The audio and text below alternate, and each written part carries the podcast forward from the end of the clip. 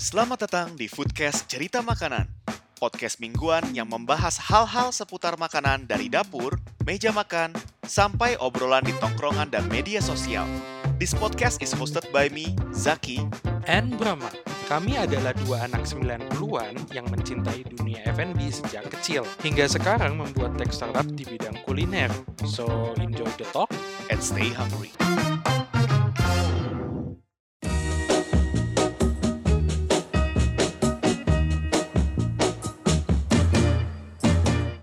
Kembali lagi di Foodcast Cerita Makanan bersama gua, Zaki, dan Brahma.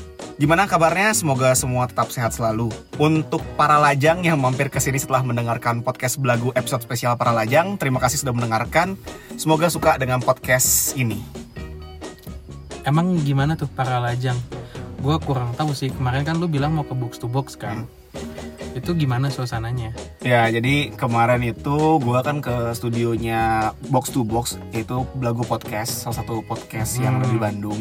Tadi gue cuma mau nanya-nanya doang terkait podcast, tapi ternyata akhirnya malah diajakin ikutan taping bareng dan yang gue paling suka di situ adalah efek mikrofonnya pak.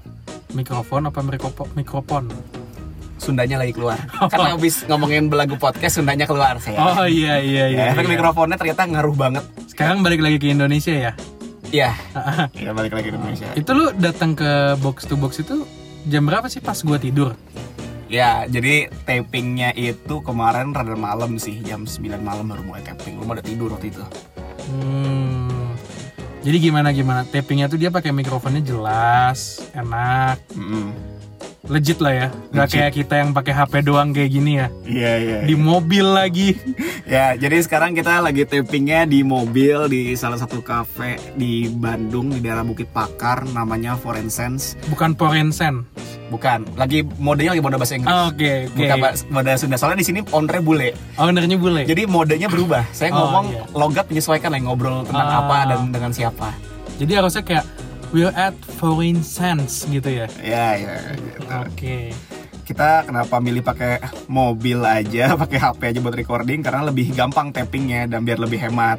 Ah pelit lu. Gue juga tahu kok banyak studio tapping di sini yang bisa buat podcast gituan. Kecuali box to box ya. Gue nggak ngerti sih box to box. Bisa nggak sih orang umum?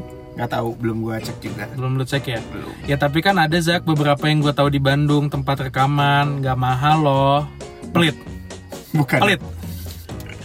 Bukannya pelit, kita tuh baru mulai. Kita nggak ada yang punya background announcer, radio, atau MC, atau podcaster sebelumnya. Kita juga belum punya masa pendengar yang banyak. Sayang kalau udah invest gede tapi gak ada yang dengar. Jadi kita pasang target aja. Kalau udah dapat sejumlah play dan pendengar podcast kita, baru kita mempertimbangkan buat pakai studio.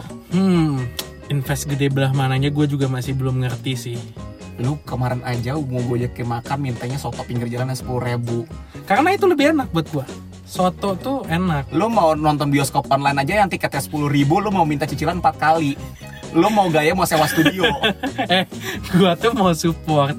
Support kan banyak orang-orang lagi zaman zamannya bikin fintech gitu-gitu kan. Hmm. Kayak gitu. Ya pokoknya dicatat aja sih kalau menurut gue ya omongan lo ya. Kalau ada orang yang nge-insta story jauh dari lingkaran pertemanan kita. Lingkaran ketiga ya. Ya, ya, ya. Oh, Oke oke kita catat nih. Aduh dicatat ya. Jadi pokoknya kalau ada yang denger ini bilang ke teman-temannya mention aja di IG, Twitter sekalian banyakin lah biar biar mention lah. Terutama mention gua sama Zaki nanti ada IG-nya kan ya. Ada, ada, ada. Ah, ah. Kalau Zaki sih gampang kalian tahu orangnya tuh kalau lagi di kerumunan pengen ketemu Zaki yang paling cempreng suaranya yang yang bajunya itu pakai baju belakangnya tuh ada label toa. nah, ntar dulu. Ini kan episode pertama kita nih. Ya. Mau bahas apa? Di episode 0 kemarin kan kita ada bahas tentang makan all you can eat Kan gara-gara situasi pandemi ini banyak yang nggak bisa makan di luar Dan jadi nggak bisa makan all you can eat Karena kalau makan all you can eat buffet gitu kan enaknya kalau makan di tempat, delivery mah Susah tuh, masa nanti mamang gojeknya Bang saya pesan daging ini tolong dianterin Baru datang dimasak mamang gojeknya balik lagi buat ngambil Tapi kan ada loh yang kemarin-kemarin sih kalau gue lihat di IG ya, yang gue follow kayak beberapa orang yang gue kagumin, kayak gitu mereka manggil-manggil buffet yang ke rumah gitu loh. Gue nggak kebayang sih mereka bawa ber- berapa banyak, cuman kayaknya tapi dia nggak all you can eat sih. Cuman Iya. kan bisa ngerasain lu makan buffet, Ya cum- hotpot, hotpot yang ala-ala Aice gitu loh. cuman ya kalau buat ini Aice tuh all you can eat disingkat ya Hmm. Jadi bukan es krim. bukan es krim. Kita belum Jangan. sponsori, kita belum sponsori sama Aice. Kecuali kalau Aice mau sponsorin kita, boleh. Ya jadi kita sekarang bahasannya terkait ini aja tentang all you can eat biar bisa ngelepas kangen lah sama all you can eat. Emang melepas kangen apa? Kan Aice udah banyak yang buka nih sekarang nih. Kayak bahas-bahas tempat Aice tuh di Bandung kemarin tuh ada yang baru buka juga kan.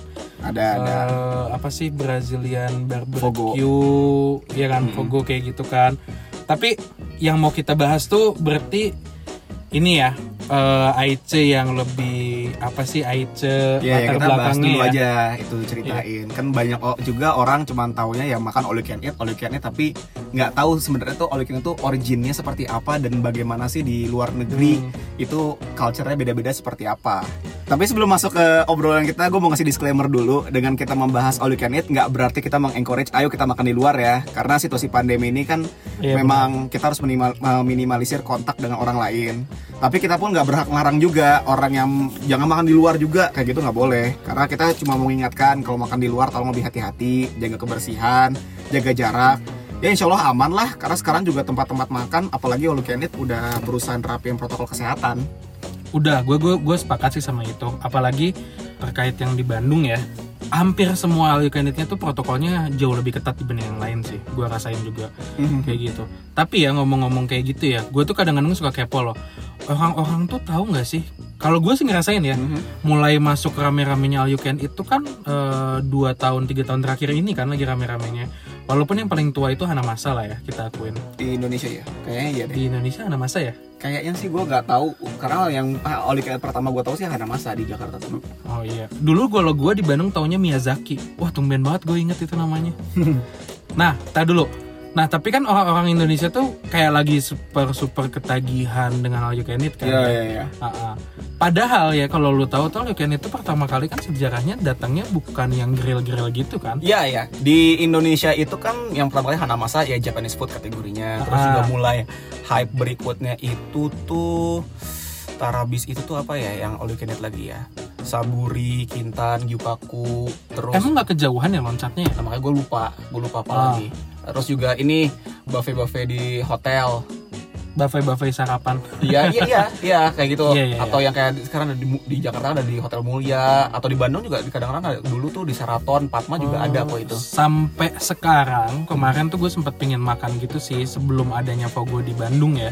yang Brazilian barbecue itu gue sempet pingin kemarin tuh Papandayan deh atau Papandayan tuh ada Oh, ada juga ya Pak Pandoyan ya? sempet mau ngadain tapi gue tuh kayak kayak lost track gitu loh lupa nggak gue Hmm. follow up lagi karena lagi pandemi juga gue mikir dua kali kayak gitu Mhm. waktu itu awal-awal PSBB dibuka lah Mhm. Ah, Ya tapi itu kan makanannya kan kelihatannya tuh dominannya ke Jepang, Korea itu yang pas mulai happening yang tadi kan saburi Iya, iya, Kintan, iya, dengan iya, masa iya. tuh kan atau juga kalau di Bandung ada yang kayak Poharang, ada apalagi sih ada banyak tuh kan atau makan Korea juga. hmm. Padahal eh, sebenarnya originnya all you can eat itu setahu gua itu berawal dari Amerika di Las Vegas tahun 1945 46 Makanya kita bisa kita merdeka mereka ada. Oh, gitu. ini kayaknya gue feeling deh mereka tuh kan habis mengalahkan penjajah kan? Syukuran kan mereka? Jadi kayaknya istilah all you can itu muncul itu gara-gara syukuran, syukuran ya. iya. Tapi gimana, actually uh, all you can eat itu startnya dari kasino, dari tempat judi. Dono. Anjing gue mikir lagi barusan. ya maksudnya uh, kasino kan Las Vegas kan tempat Ah, ah. kasino gitu segala macam. ada Dono sama Indro Nggak usah diulang lagi anjing. Terusin aja gak kelar-kelar tapi kan kita muter-muter di warkop. Eh, lu jangan salah loh. Di Indonesia tuh sebenarnya punya you can eat. Apa?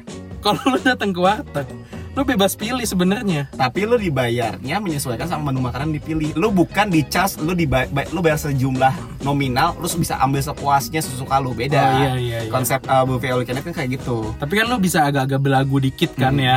Hmm. Kayak saya mau itu, mau itu dan itu. Apa tuh? Gua aja nggak terlalu hafal menu yang mau gua ambil karena gua nggak di depan warteg.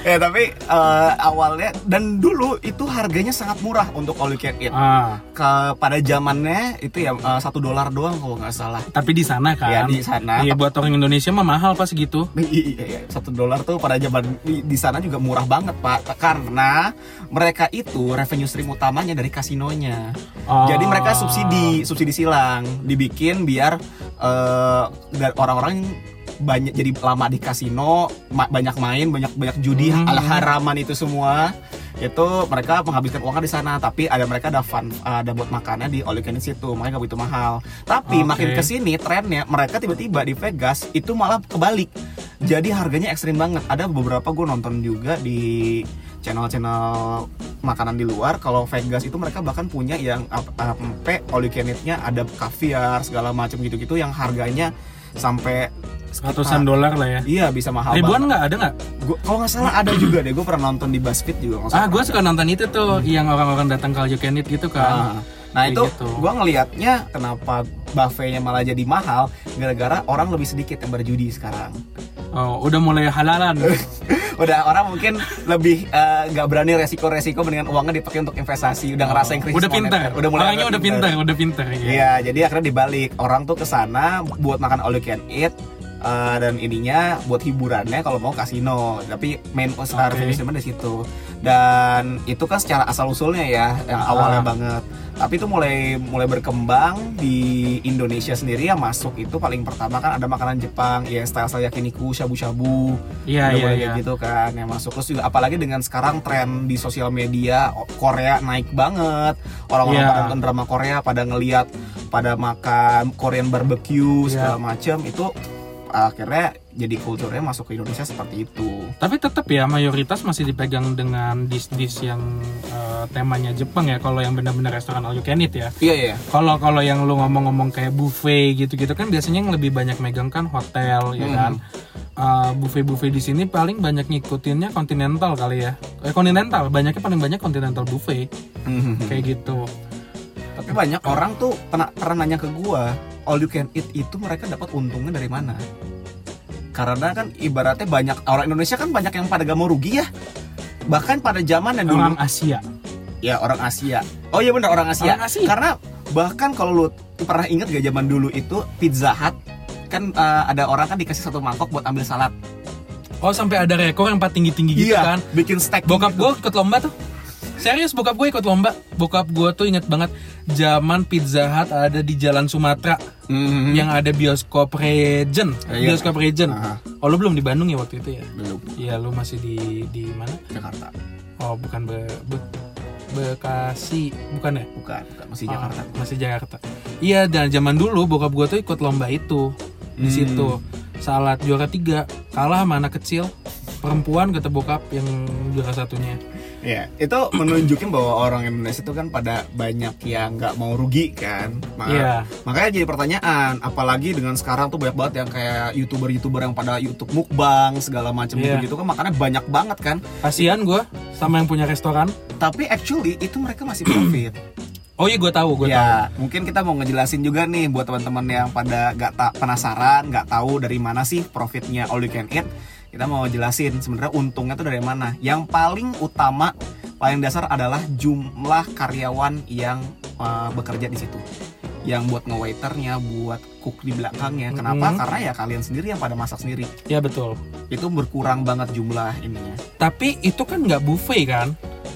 Kenapa? Iya. Konteksnya kalau buffet kan kadang-kadang kan lu jadi punya banyak cook yang di belakang karena kan Ya. banyak ragam menu kan. Nah, cuman kalau itu mereka mainin di psikologis ininya, variasi menunya. Biasanya Oh. kalau kal- kalian perhatiin pas baru masuk, yang area paling deket itu adalah bagian yang salad, carbs yang kayak nasi goreng kayak Iya, iya. atau apa segala macam. yang manis lah ya. Iya, itu jadi orang tuh dibikin supaya lebih banyak ngambil di itu bagian salad segala macam karena Hmm. bakal lebih ngenyangin. Jadi Oh. biar gak ambil yang bagian bahan-bahan yang mahal. Iya. Nah, itu juga kalau lo perhatiin juga dari alat buat ngambilnya, Mhm. kalau misalnya yang sifatnya ngenyangin dan harganya murah, let's say kayak salad kah Iya, segala iya, macam itu kentang gitu. Biasanya alat ngambilnya tuh pakai kayak cutil yang sendok gede gitu. Oh. Rather than nambah sebagian daging, sekarang pakai capit. Oh iya iya iya. Itu membuat kita lebih gampang ngambil yang makanan kayak gitunya, yang nyanginnya. Sementara yang pas ngambil daging, lebih kita bikin, dibikin lebih lama buat nga- eh, ngambilnya. Sehingga karena kita gak enakan kalau ada orang ngantri, Iya. jadi cuma ngambil dikit, terus ada orang ngantri, adalah ntar gue ke sini lagi. Padahal gara- gara-gara dia balik dulu terus dia makan, pas next time dia ngambil, dia udah nggak selapar atau pertama kali. Oh. Secara psikologisnya kayak gitu. Sebenarnya sama kayak ini juga kan, mereka tuh pakai piring yang kecil. Hmm, Iya kan? Hmm. Ya gua soalnya pernah disuruh diet kayak gitu sama dokter. iya. itu- Tapi nggak kecil-kecil badan gua, ikut piringnya doang yang kecil. Ya, jadi itu biasanya piringnya dibikin lebih kecil karena buat ngasih uh, false deception di mana lu ngeliat piring lu kayak penuh. Padahal Iya, sebenarnya itu porsinya lebih kecil.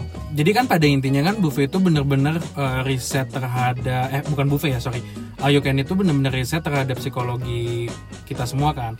Nah tapi kan itu tuh banyaknya yang make mak make hal-hal begitu kan lebih yang kayak buffet ya kayak Hmm. anak masak kayak Hmm. yang di hotel-hotel.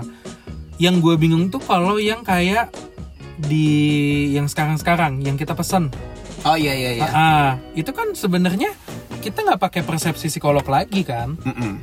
Gimana tuh? Kalau nggak salah kan kan kita tiap kali order kita kan nunggu kan nunggu makanan datang kan. Oh maininnya di preparation time kali ya? Iya, main di prep Ah. time. Kadang tadi di Indonesia kan dibatasi 90 menit. Bahkan sekali 60 menit kan beberapa tempat. Karena pandemi covid sih, dia nggak terlalu lama kayaknya. Mm-mm. Tapi enggak kok masih sebagian besar gue kemarin-kemarin makan all you can eat tiga kali sehari pagi siang sore. Itu kapan sih gue gue fanatik sih itu zaman dulu. Iya, iya. Enggak enggak, gue tuh waktu dulu makan all you can eat itu awal-awal gue masih kapan ya? Pokoknya pokoknya di pertemanan gua Mm. itu orangnya tuh semua gila makan, Mhm. tapi kadang-kadang agak-agak berlebihan sih. Ya. Jadi sampai ada masanya kita tuh lagi bosen banget makan apa di Bandung. Mm-mm. Sampai akhirnya setiap kita makan tuh kita nggak pernah kenyang, ujung-ujungnya makan lagi sana sini sana sini sana sini. Akhirnya teman gua mengadakan suatu ide yang akhirnya kita semua menyetujui. Ya itu. Kalau nggak salah gua tuh berdelapan, pagi-pagi kita sarapan aja Kenit, jam 10 buka tuh kita sarapan. Di mana sih? Jam Di Hanamasa, gue ingat Hanamasa, banget. Pertama sarapan. kali itu Hanamasa sarapan. jam Kalau- 10. jam 10 pas buka banget Ah. pas buka banget Hanamasa Dago tuh menjadi saksi abis itu siangnya gua tuh ke Kintan siangnya tuh sekitar jam 3 lah Oke. Ah, ke Kintan makan lagi Ah. Abis itu ah, gue lupa yang terakhir kayaknya kalau nggak salah Yukaku deh Ah. Yukaku oh ya gue terakhir makan malam Yukaku gua beneran sama teman-teman gue tuh habis itu nongkrong karena udah nggak bisa jalan Iya. perut kenceng banget. Wow, perut tuh kayak olahragawan gua, merasa kayak six pack. kenceng. Dipukul muntah. tapi tapi ya gara-gara keseringan makan kayak gitu, akhirnya gue sadar kepala gue pusing men. Itu lemak kayaknya dia joget di perut gue tuh udah gede banget. itu udah lemak-lemak udah masuk ke pori-pori ya udah masuk ke pembuluh darah tuh udah kayak pandau tuh kotak tuh Ya, tapi eh, kenapa teman-teman gue mau kayak gitu? Satu, Hanamasa tuh kan ada ininya ya, eh, tulang mudanya, sate tulang, satu muda ayam Iya, itu itu itu menurut gue unique proposition mereka sih. ya Itu enak banget sih. terus juga ini kan juga ngomongin masalah tadi nyari untungnya dari mana ya Ha-ha. oleh karena itu itu juga selain dari piring yang ukuran lebih kecil itu ternyata di minuman pun mereka mainin makanya kenapa Oh, iya. mereka minuman itu jarang yang menyediakan air putih biasanya air putih Oh, iya. bayar lagi Pasti manis. pasti manis Karena bikin cepet kenyang. betul Kayak gitu. Dan kadang-kadang mereka suka nawarin mau nasi lagi atau nasi lagi dan nasi lagi. Iya. Kayak gitu. Terutama di Indonesia yang gue Hmm. sadar ya. Kayak Hmm. gitu. Makanya Dan ka- ada juga sistem yang kayak kalau tadi kita istilahnya waktu di Vegas itu mereka ada subsidi silang antara kasino Ah. dengan uh, all you can eat-nya. ah, Di konsep all you can eat pun mereka juga ada si- sistem subsidi silang. Karena contoh gua sama lu kayak terakhir kali kita makan-makan Iya. sama tim kantor kita kan di MAM. Iya. Kita makan all you can eat yang food fighter cuma berapa orang, sisanya pada makan yang sedikit doang ya. Padahal kita semua bayarnya sama nominalnya. Itu makanya kenapa di all you can eat itu gak bisa misalnya gitu ada satu orang yang pengen Oke. level dagingnya lebih mahal jadi bayar lebih mahal tapi yang lainnya padahal sebenarnya nggak pengen tapi dipaksa semua harus rata semua kan Oh iya iya iya. iya. akhirnya ya itu subsidi silang jumlah makan kita lebih banyak itu ditang eh, tanggung profitnya di- sama yang, yang dikit kan. betul Tapi ya, Hmm. zaman dulu ada zaman Miyazaki, zaman dulu kan belum dihitung tuh. Hanamasa juga belum dihitung waktunya kan. gue diceritain bokap sendiri sih ini Mhm. jadi bokap sama adik-adik bokap gue bokap gue kan empat bersaudara tuh Mhm. karena semuanya suka olahraga makannya juga nggak ngotak Ya. jadi waktu itu bokap gue tuh sempat sampai nggak boleh datang lagi ke Miyazaki kalau nggak salah Mhm. kayak gitu kenapa karena bokap katanya bokap gue bikin rugi mereka Tapi itu kenyataan ya, pas tahun 2012 di Amerika itu ada namanya Bill Wright atau siapa gitu, gue Iya. lupa namanya. Dia sampai di ban dari sampai diusir loh. Jadi mereka dia masuk tuh nggak udah nggak boleh lagi karena dia makan ikan atau apa Iya. sampai customer lain pada bagian. Oh karena kan dia sampai ngeganggu kan Iya. Nah kalau bokap gue tuh kasusnya dia tuh emang bener sama keluarga tuh makanya banyak karena nggak Hmm. dibatas. Bokap gue tuh waktu itu kalau gue nggak salah nih ya koreksi Hmm. gue, bokap gue tuh makan di situ bisa tiga jam. Jadi beneran karena nggak ada batasan jam kan. Iya, iya, makanya iya. sekarang tuh jadi ada batasan jam karena kadang-kadang tuh orang yang kuat makan suka pingin ngobrol bentar biar turun, Mhm. habis itu bisa lanjut makan lagi kan. Nah Hmm. itu yang kejadian di bokap gue. Tapi kalau nggak pakai apa all you can eat gitu, gue udah pernah ngeliat sih bokap gue dan keluarganya makan kayak gimana. Hmm. Ayam aja bisa dua ekor, Zak. Hmm. Gua aja cuman satu ekor, Iya, percaya, percaya kan? percaya gue. Iya. Lu tuh yang banyak empat ekor. Enggak ada. Kalau nggak makan dua hari bisa. Iya bisa sih. Iya makanya. Iya. Nah itu kan uh, ngomongin terkait ininya ya konsepnya Iya. all you can eat. Terus juga ada yang khawatir karena pernah ada artikel terkait tempat makan buffet all you can itu salah satu tempat yang paling berbahaya secara kesehatan. Masalah uh, sanitarinya masalah food poisoningnya. Dan kalau nggak salah di Amerika pun pernah dibilang setiap tahun tuh ada enam orang kena food poisoning di ini. Uh, all you can eat buffet. Ya itu kemungkinan besar tempatnya sendiri pun tidak menerapkan safety protokol yang benar Oh yang kayak cross contamination gitu Iya. between uh, daging matang sama daging mentah kan. Betul, Ka- makanya kalian kalau misalnya lagi makan all you can eat tuh jangan suka rada ngide tiba-tiba eh, nih aduh ini buat ambil daging ini capitnya lagi dipakai sama orang lain gua Iya, ambil capit ambil. yang lain eh, buat nyampet itu padahal itu bakal jadi ada kontaminasi campuran antar Iya. bahan Biasa sih daging mentah ke sayur. Terus Iya. yang gua tahu tuh gini. Yang sebenarnya gua agak-agak wondering sih kan dulu waktu gua sekolah tuh kalau daging ayam itu nggak pernah boleh dicampur sama daging sapi walaupun masaknya pun. Mhm. Tapi kan selama ini kita masak all you can eat, daging ayam masuk mentah, daging sapi masuk mentah. ya Kayak gitu. Nah, itu kan aneh kan? Apalagi kalau lu makan daging sapinya setengah matang karena Hmm. ayam kan lama matangnya kan. ya Yang satu bahaya ada salmonella Mhm. segala macam. Ya, tapi gua tau lah. Lambung orang Indonesia itu dikasih tank baja aja dikasih korosif asid aja jebol. Lambung kita doang nih enggak enggak. ya. Banyak banget kan kejadiannya. Eh, gorengan pakai plastik. Apalagi banyak kok. Itu masih Ini bertahan. gua lo goreng pakai plastik gorengan pakai kertas ujian itu tinta tintanya Pakai sertifikat negara abis itu. ya itulah jadi eh, kalau buat teman-teman yang makan all you can eat tuh pasti oh lu nyadar juga nggak sih kalau di beberapa all you can eat tuh suka ada shieldnya gitu di atas apa sih namanya jadi kayak itu untuk mencegah supaya kalau kita lagi ngob- eh, lagi ngambil makanan iya, kita iya. ada bersin kalau salah namanya sneeze guard kalau di luar negeri tuh Iya iya, D- tapi kan akhirnya kan yang dipak mungkin ya karena banyak cross contamination kayak gitu. Iya. Mungkin banyak pertimbangan can eat sekarang itu by order. Satu, Iya. ya dia bisa mencari keuntungannya dari preparation time, Mm-mm. ya kan? Mm. Terus ya dari situ juga kan dia nyediainnya benar-benar terpisah kan di piringnya masing-masing. Jadi mungkin akhirnya dibuat begitu emang Hmm. karena berita-berita yang orang kena food poisoning segala Iya. macam. Apalagi kan yang banyak masuk ke Indonesia kan can eat yang benar-benar yang udah berpengalaman di negaranya masing-masing Iya. kan. Kayak gitu aku kan aslinya dari Jepang. Mhm. Kintan Seburi gue nggak tahu. kalau nggak salah originate ah gue lupa jenisnya sih makanan Jepang tapi, Tapi orang gua Singapura nggak salah Singapura ya. Singapura Tapi kan emang itu kan satu grup besar yang udah pengalaman di uh, industri iya. makanan yang cukup Betul. lama kan. Oke mungkin mungkin itu. dan juga eh, mereka itu selalu ngelihat juga mereka tuh masalah inventory manajemennya tuh harus kuat.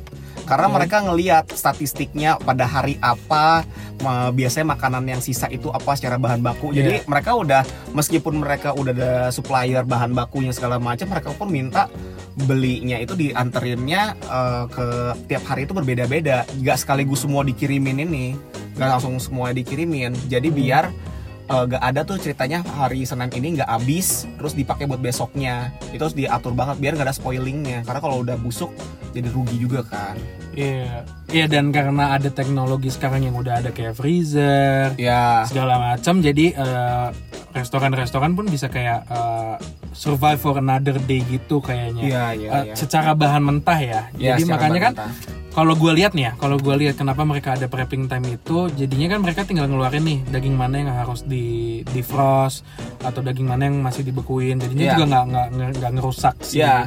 Makanan makanannya kan dan harusnya udah di portioning duluan dan maksudnya udah ditakar mana yang bakal di defrost hari ini segala macam Iya. karena nggak boleh banget itu bahan baku udah lu defrost ada sisa lu masukin lagi itu tidak sama disarankan ibaratnya kalau kita diajarin zaman dulu udah ambil nasinya segini dulu kalau lapar nambah lagi Mm-mm. sebenarnya kan kayak gitu kan kurang lebih Iya. yang terjadi di all you sekarang Betul. enak sih hmm. tapi lu ngomong enak juga gue jadi pengen makan you can eat. tapi di Indo- juga di kita di Indonesia kan ada banyak jenisnya you can eat ya tadi kita udah nyebutin kayak buffet di restoran terus eh buffet di hotel iya terus juga restoran-restoran kayak Hanamasa, Saburi Kintan udah kita mention tadi iya mungkin kita Fogo tadi lu Fogo. juga Nah, mention Nah itu mungkin kita sekarang mau bahas deh bedanya tempat-tempat you can eat itu apa sih?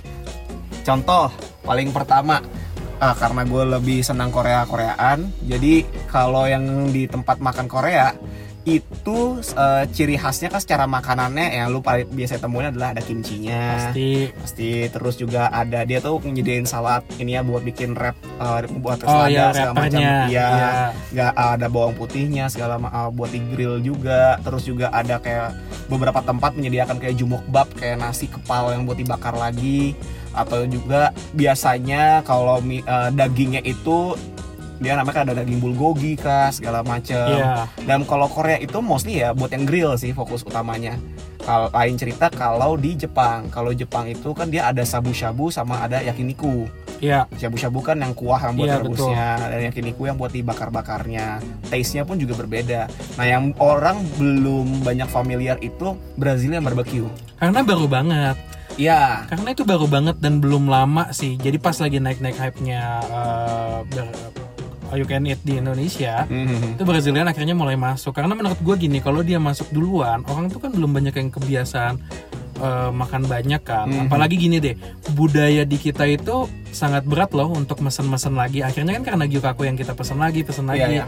jadinya agak-agak men-shaping culture kita untuk menjadi kurang ajar sedikit bukan kurang ajar eh demanding ya kayak Mhm. gitu soalnya kan kalau lu Brazilian barbecue kan kayak itu kan lu dia masaknya di kitchen dia Hmm. bener-bener di barbecue yang kayak dimuterin segala macam kan yang dipanggang beneran Iya. terus nanti dia datang ngunjungin ke meja masing-masing Iya. nawarin mau dipotongin nggak berapa slice segala macam Mhm. nah mungkin karena culture itu juga pas banget emang buat Brazilian bar- barbecue masuk ke Indonesia Nah, kan gua pun cuman pernah ke Brazilian barbecue sekali dan di Jakarta ya di namanya Tucanos. Kalau lu kan udah pernah nyoba Fogo kan? itu yang paling legit sih pak Ya, memang harganya rada-rada gila sih itu karena lagi ini aja, lagi ada acara keluarga, lagi ada syukuran ya udah makan di sana. nggak ada yang rada gila kalau untuk makanan buat gue Iya, apa-apa aja Pak waktu itu berapa? 450 per orang ya. iya iya itu sih yang paling mahal Nggak Dia ada tapi mahal. dia tapi dia memang mulai dia rada-rada kayak Gyukaku sih. Mulai darinya emang rada tinggi dibanding Ah. harga pasaran Buat yang belum tahu Brazilian barbecue itu kayak gimana, bisa cari aja ada di internet.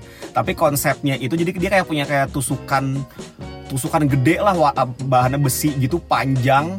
Udah kayak udah kayak pedang ya gede banget. Dan di situ kita bakal ditusuk-tusuk daging-dagingnya ada banyak. Nah habis itu bakal di grill di grill uh, slow roast gitu di panggangannya. Dan biasanya kalau di Brazilian barbecue itu nanti bakal ada chefnya itu di belakang dia bakal bawain nawarin. Kalau di uh, Tucanos itu ada sistemnya kayak koin gitu warna merah kuning hijau. Iya iya gue gue sempat makan juga. enggak enggak. Jadi gini di Fogo itu dia tuh keliling. Oh keliling ya? Keliling. Tapi karena sekarang lagi pandemi covid akhirnya dia kayak ada satu waiter yang handle satu meja kita. Dia nawarin yang mau kita mau apa? Tapi kalau lu pertama kali datang kayak gitu dia akan nawarin experience yang ibaratnya semuanya akan datang ke meja lu Hmm. untuk ngasih kayak platter platter size dia slice dulu. Hmm. nah nanti setelah lu nyoba semua akhirnya dia nanya yang kalian lebih suka mana? Terus yang mau dipesan lagi yang mana? Kayak gitu. Tapi kalau di Fogo tuh ada ada ada buffetnya juga. Dia sama jadi- Tucanos juga ada buffetnya juga? Ada? iya. Jadi memang kalau Brazilian barbecue itu eh, memang ada hampir semua sih itu mereka biasanya menyediakan juga buffet juga karena itu buat nyenyanginnya kan. kecuali Gyukaku ya Ya karena juga aku semuanya dipesan by order kan. karena variasi menunya banyak Betul. bikin orang pengen rakus semua nyoba akhirnya yang mahal-mahalnya pun dilupain kayak gitu Mm-mm. kan Nah, terus juga kalau dari teman-teman ada yang penasaran mau nyoba Brazilian bar- barbecue gitu kan. iya Eh, kan jenis daging-dagingnya tuh ada banyak. Gue pengen tahu di Fogo ada daging pikanya atau enggak? pika pika tuh bagian apa ya Pikanya itu kayak daerah bokong agak atas yang dia dia kayak ram ya iya iya iya iya background Ram. background. Ya, Back- ram ada ada ada. ada Ya, buat jadi kalau di Fogo tuh ada ram ada sirloin stop dulu ram RUMP ya. iya Mas- iya iya In case pendengar kita yang kayak ram ram RUM alkohol dan di ram mah RUHM pak Iya makanya kan pronunciation-nya takutnya Gak apa-apa jadi juga apa. enak kok Eh, ram tuh maksudnya pundak ya bagian-bagian punggung lah ya Ah, ram tuh punggung, bagian-bagian punggung atasnya terus bokong. sirloin Ah, ah. sirloin juga bagian punggung tapi agak dalam dikit Ah, kalau nggak ah. salah Ah, Biasanya kalau pikanya tuh agak lebih banyak lemaknya lapisannya. ah enggak nah kalau di situ tuh dia ramnya nggak terlalu banyak lemak yang lebih Oh. banyak tuh belly Nah, soalnya kalau pikanya itu salah satu bagian di daging sapi yang eh, makanya istilahnya kan kalau salah back ram, out, outer back ram kalau nggak salah. Jadi emang sisinya lemaknya lumayan banyak, tapi lumer Hmm. pikanya tuh. Itu salah satu daging yang kalau di Brazil itu jenis daging yang harganya sebenarnya nggak terlalu mahal, tapi kualitasnya enak. Nah, di sana ada daging apa lagi? belly Ada belly. sirloin abis itu sisanya ayam Oh, oke. ayam ayam juga dia nggak Ada jantung nggak di situ? nggak Ah, nggak nggak gue gue udah pernah nyobain apa namanya tukan tukanos Tukanos, ya ah. tukanos kan di Jakarta Oh sama satu lagi ciri khasnya Brazilian barbecue adalah nanas bakar. Iya, enggak, enggak, buah-buahan bakar sih sebenarnya. Tapi nggak hanya nanas, tapi yang paling itu, notable iya. nanasnya biasanya. Iya. Di- jadi konsepnya itu nanasnya itu habis dikupasin, habis itu dia bakal dikasih cinnamon kan biasanya? Iya, Ah, dikasih cinnamon, habis itu dia bakal di slow roast juga. Jadi nanti itu bakal di eh, pas datang tawarin slice itu jadi kayak palate cleanser banget sih enak sih gitu. dan the perfect dessert banget untuk nutup karena kan gini, nanas tuh emang udah banget perfect banget buat dessert lah menurut gua. Kayak gitu. Apalagi kalau di slow roast yang jadi kalau dia pakai cinnamon, itu pakai kayu manis ya, Hmm. bubuk kayu manis. Itu tuh jadi manisnya lebih keluar. Iya. Habis itu kalau lu makan itu tuh kenapa enak banget kan lu habis makan daging banyak banget Iya. kan yang minyakan Mm. apalagi lu makan daging belly terus disausinnya pakai peanut sauce yang kayak Hmm. gitu-gitu kan Eh, akhirnya kalau lu nutup pakai nanas kayak gitu kalau kalau kita makan buah nanas kan kadang-kadang kita ngerasanya terlalu seger kan Mhm. kita perlu yang manis kayak gitu kan Nah, akhirnya pas kalau di Brazilian barbecue tuh nanas yang kayak gitu tuh menurut gue cocok banget gue seneng banget dapat nanas kayak gitu apalagi emang pada dasarnya gue suka kayu manis Hmm. gue suka banget nanas Sama. jadi perfect couple banget sih menurut buat Ah. mereka Lu ngomong lu suka nanas? Pizza pakai nanas menurut lu gimana? nggak mau nggak mau nggak mau ya kita jadi bahasan lain waktu aja lah ya. Nggak mau. Pizza pakai nanas. nggak gue anggap nggak bisa gue anggap itu nggak tapi gue harus bisa menghargai kenapa pizza pakai nanas itu ada ya Ya, tapi nah, itu buat bahasan. nanti episode lagi yang lain ya Ya mungkin kalau misalnya penasaran terkait sejarahnya pizza pakai nanas kayak gimana bisa juga kita bahas lain waktu. betul Nah, di terkait all you can eat ya itu sih tempat-tempat. Tapi rekomendasi kalau dari lu coba menurut lu rekomendasi all you can eat apa deh? Di Bandung gitu atau di Jakarta kalau di di mana pun lah. di Bandung ya kalau kalau gue sih lebih lebih fokusnya di restorannya sih gue karena banyak di Bandung nggak nyobain yang di hotel-hotel ya Mhm. kecuali kayak buat breakfast kayak gitu Mhm. so kalau di Bandung gue tuh sukanya karena gue orang yang klasik eh cila gila klasik gue lebih suka Hanamasa Oke. sama eh, dengan adanya Vogo ya Mhm. gue merasa gue seneng sih karena emang pada dasarnya gue tuh lebih suka daging yang di slow roast Mhm. Yang yang apa ya eh, apalagi kalau sampai ada Brazilian barbecue yang pakai dry aged beef. Waduh. Itu gue tuh fantasinya tinggi kalau kayak gitu. Jadi eh, it's a good thing kalau ada Brazilian barbecue di Bandung tuh kayak new experience biar gue nggak bosan cuman secara kalau Japanese kalau Japanese tuh gue lebih sukanya yang kayak kahana masa kayak gitu Mhm. tapi kalau gue lagi pengen kuah-kuah gitu biasa gue ke Sabu Hachi Oh iya ada sabu hachi, Iya. hachi grill dan sabu hachi kan? iya iya itu agak beda sih mereka tuh bedanya dikit di panggangannya Oh itu beda ya? Gue pikir satu grup. satu grup satu Ah. grup cuman kalau Hachi Grill tuh panggangannya yang beneran grill yang lo kayak charcoal grill gitu Aha. yang kayak Oh. Gyokaku sama Kintan tapi kalau lo di Sabu Hachi masakannya tuh dia tuh pakai pan yang pakai pan Mhm. bukan pan ya tapi apa ya eh, metal gitu aja pokoknya Mhm. kayak kayak kayak teppanyaki lah Oh Ah, iya iya kata kayak Pak gitu Niki. kayak oh, gitu style-style gitu. itu Oke, beda oke. stylenya di situ doang Aha. tapi kalau di Sabu Hachi enaknya gue bisa bikin kue tiaw goreng Oh, karena oke. kan dia kayak tepan ya Iya iya iya.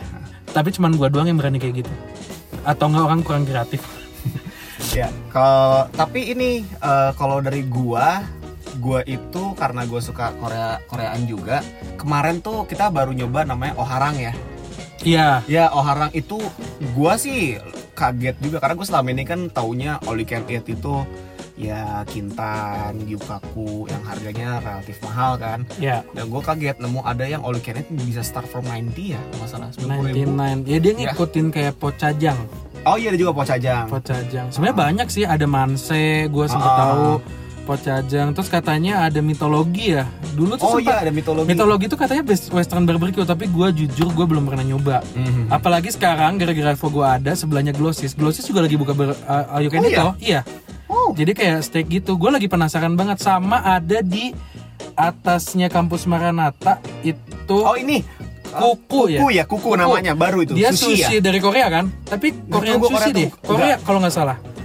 Gue pengen nyoba banget cuman gue belum sempat terus masih rada-rada takut juga. Iya, Covid. ya meskipun mungkin mereka udah nerapin ini protokol tapi tetap aja sih kita trying to be safe di Iya. sini. Dan kalau eh, Oharang tadi gue nyebutin gue senang karena untuk harga segitu itu worth it. Rasanya, Iya. untuk bahan bakunya, terus juga ada yang jumok bab yang kayak nasi kepal itu buat dibakar, itu enak sih. buat gue yang nggak terlalu tahu culture-nya banget sih akhirnya gue dapat experience yang baru juga sih di sana ya Ah, kayak gitu Ya, terus ini mungkin kita gue pengen ngasih tahu sih tips-tips terkait uh, memasaknya karena banyak orang nggak uh, nggak tahu cara masak yang proper kan banyak kan all you can eat itu kan kita masak sendiri kan. Iya kalau bisa sih ini kalau dari gue ya sorry ya kalau dari gue tuh pisahin daging ayam dan daging Iya. sapi Itu yang paling krusial banget. Iya. Biasanya orang tuh main campur-campurin uh, daging ayam sama Hmm. daging sapi. Itu kalau bisa ya lo kalau lagi masak daging sapi ya daging sapi semua, jangan dicampur. Iya terutama celupan celupan matang Apalagi? sama mentah Ah, ah, ah. itu hati-hati sih maksudnya mungkin kadang-kadang ada yang kita ngerasa ah belum kena belum kena cuman men kalau udah kena itu nggak enak banget soalnya gue sempat bukan gue sih adik gue adik gue sempat hampir kena salmonella. Mhm. hampir sih baru kayak gejala gitu. Dia kayak keracunan makanan kurang matang padahal dia nggak makan ayam tapi ternyata pas akhirnya gue cari tahu itu tuh si daging yang adik gue beli ke cross contamination di tempat makannya dia nggak nggak you can eat sih. Cuman jadi pelajaran aja. Jadi di cross contamination karena si yang ownernya itu naro ayam mentah dalam satu kulkas yang sama sama daging Ah, itu sama kayak banget tuh. gitu nah akhirnya adik gue tuh sempat masuk rumah sakit tuh nah Hmm. nggak enak kan apes banget kalau kena Mhm. lebih baik dihindarin lah Iya iya iya. Jadi agak hati-hati terus daging ayam tuh jenis daging yang harus sampai mateng banget. Iya nggak bisa setengah matang nggak bisa setengah mateng. Jadi better be safe. Kalian kalau lagi pengen makan ayam dipanggang itu ya harus pasti emang mateng banget. Kalau Iya. jangan sampai kalian masih setengah matang makan ah udahlah nggak apa-apa. Masih- bahkan daging sapi juga loh Zak Iya, cuman mm, lebih berbahaya daging ayam. Iya, daging sapi tuh kan kadang-kadang orang banyak yang tahu bisa disashimi kan. Itu Iya. tuh ter- itu tuh spesifik banget Iya, jenis sapinya. dagingnya. Iya iya. Sapinya spesifik banget. Mhm. Itu cuman bisa di Jepang. Jepang sama Korea beberapa bisa. Iya, dan cuma bisa di daerah dingin. Dia harus fresh banget. Karena kalau di Korea itu ada namanya yuke. Yuke itu kayak Iya. daging kayak beef tartare gitu jadi kayak daging sapi gitu. Habis itu bakar dicampur sama kuning telur mentah. Terus sama pakai eh, Korean eh, ini pir, pir Korea. Oh, oke. Ah, ah, itu dicampur. Itu ya salah satu makanan juga di sana dan actually katanya sih orangnya eh, kata orang enak, tapi jangan coba-coba di Indonesia kayak gitu. Ya kalau di Indonesia mau coba-coba eh, boleh kabarin kita aja kalau udah masuk rumah sakitnya. Bisa kita interview pengalaman kalian ya. Iya. Jangan telepon duluan. Setelah rumah sakit aja baru telepon. Ya, terus juga kalau tips di makanan ini, oh mungkin kalau di makanan, let's say lu bilang hanamasa tadi ya, Iya.